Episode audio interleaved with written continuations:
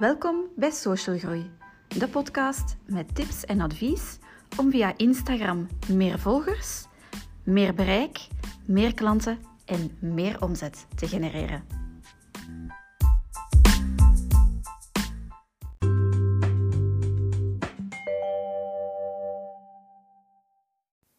Een hele goede namiddag en welkom bij alweer een nieuwe aflevering van Social Groei. In deze aflevering wil ik het met jou graag hebben over community management en waarom ik dat bewust niet verzorg voor mijn klanten.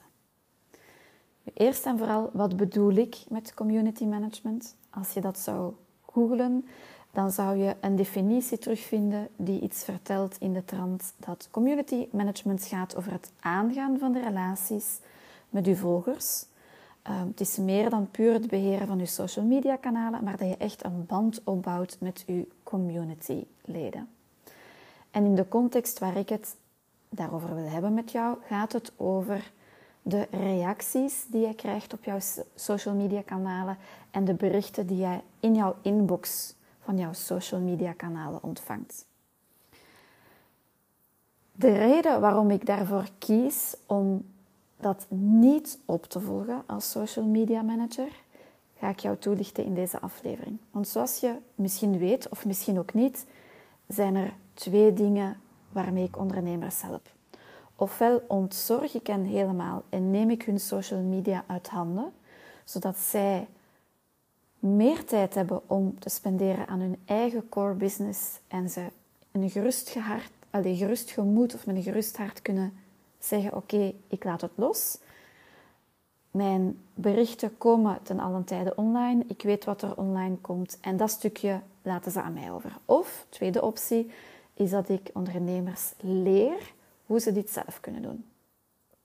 Nu, in het kader van die eerste optie, waarbij ik social eh, media van een aantal bedrijven beheer, zeg ik aan het begin, voordat we uiteraard nog maar opstarten, geef ik ook heel duidelijk aan, dit is iets dat ik niet doe.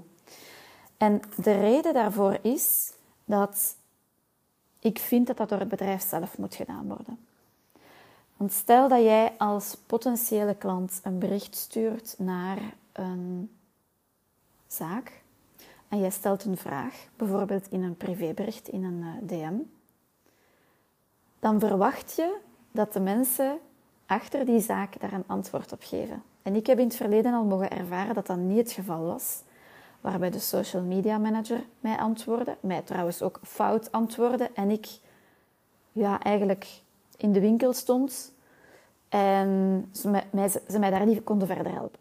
Uh, dat ging nu over een IT-gerelateerd uh, probleem, maar goed, maakt niet uit. Dat komt niet over. Ik voelde mij een beetje bedrogen, omdat ik zoiets had van, oeh, maar ik heb u toch een bericht gestuurd en ik mocht ermee langskomen. En dan bleek, ah nee, nee, maar iemand anders doet dat voor ons. Ja, ik kan u verzekeren, ik was een beetje lastig. Ik voelde me wat bekocht, want ik dacht, oh, ik dacht dat ik met u een bericht aan het sturen was. Dat was een lokale winkel, geen keten. En ik was ook helemaal voor niks in mijn auto gestapt en naar het stad gereden, parking gezocht, om dan in de winkel aan te schuiven tot het aan mij was, om dan te horen, ah ja, nee, we gaan u nu niet direct kunnen helpen. Ja, dus dat is nu maar een, heel banaal voorbeeld, maar dat wil je gewoon niet voor hebben. Als, ik spreek hier ook over mijn doelgroep. Hè. Um, en dat zijn lokale ondernemers. Ik spreek hier niet over multinationals. Dat is een heel ander gegeven.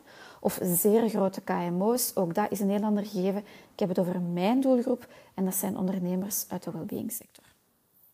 Kan ook voor andere ondernemers die een kleine zaak hebben. En klein bedoel ik in aantallen hè, medewerkers. Je kan ook maar met één of twee personen zijn en heel grote omzetten draaien. Maar het gaat mij over het aantal medewerkers. Waarbij het duidelijk is dat jij de persoon bent die achter dat bedrijf staat. Dat mensen ook verwachten als ze naar jou een bericht sturen dat het door jou beantwoord wordt. En waarom vind ik dat je dat als bedrijfseigenaar zelf moet doen? Het is veel efficiënter, het is authentieker en jij behoudt zo ook de vinger aan de pols wat dat er leeft bij jouw klanten of jouw potentiële klanten.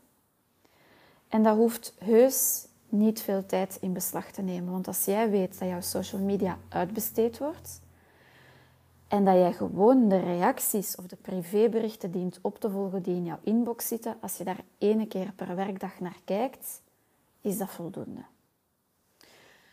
Dus voilà, vandaar um, de reden waarom ik dat dus niet wil doen voor mijn klanten. Wat niet wil zeggen, moest ik daar toevallig op stoten dat ik zie, oh, hier staat een bericht in die inbox en dat is nog niet beantwoord.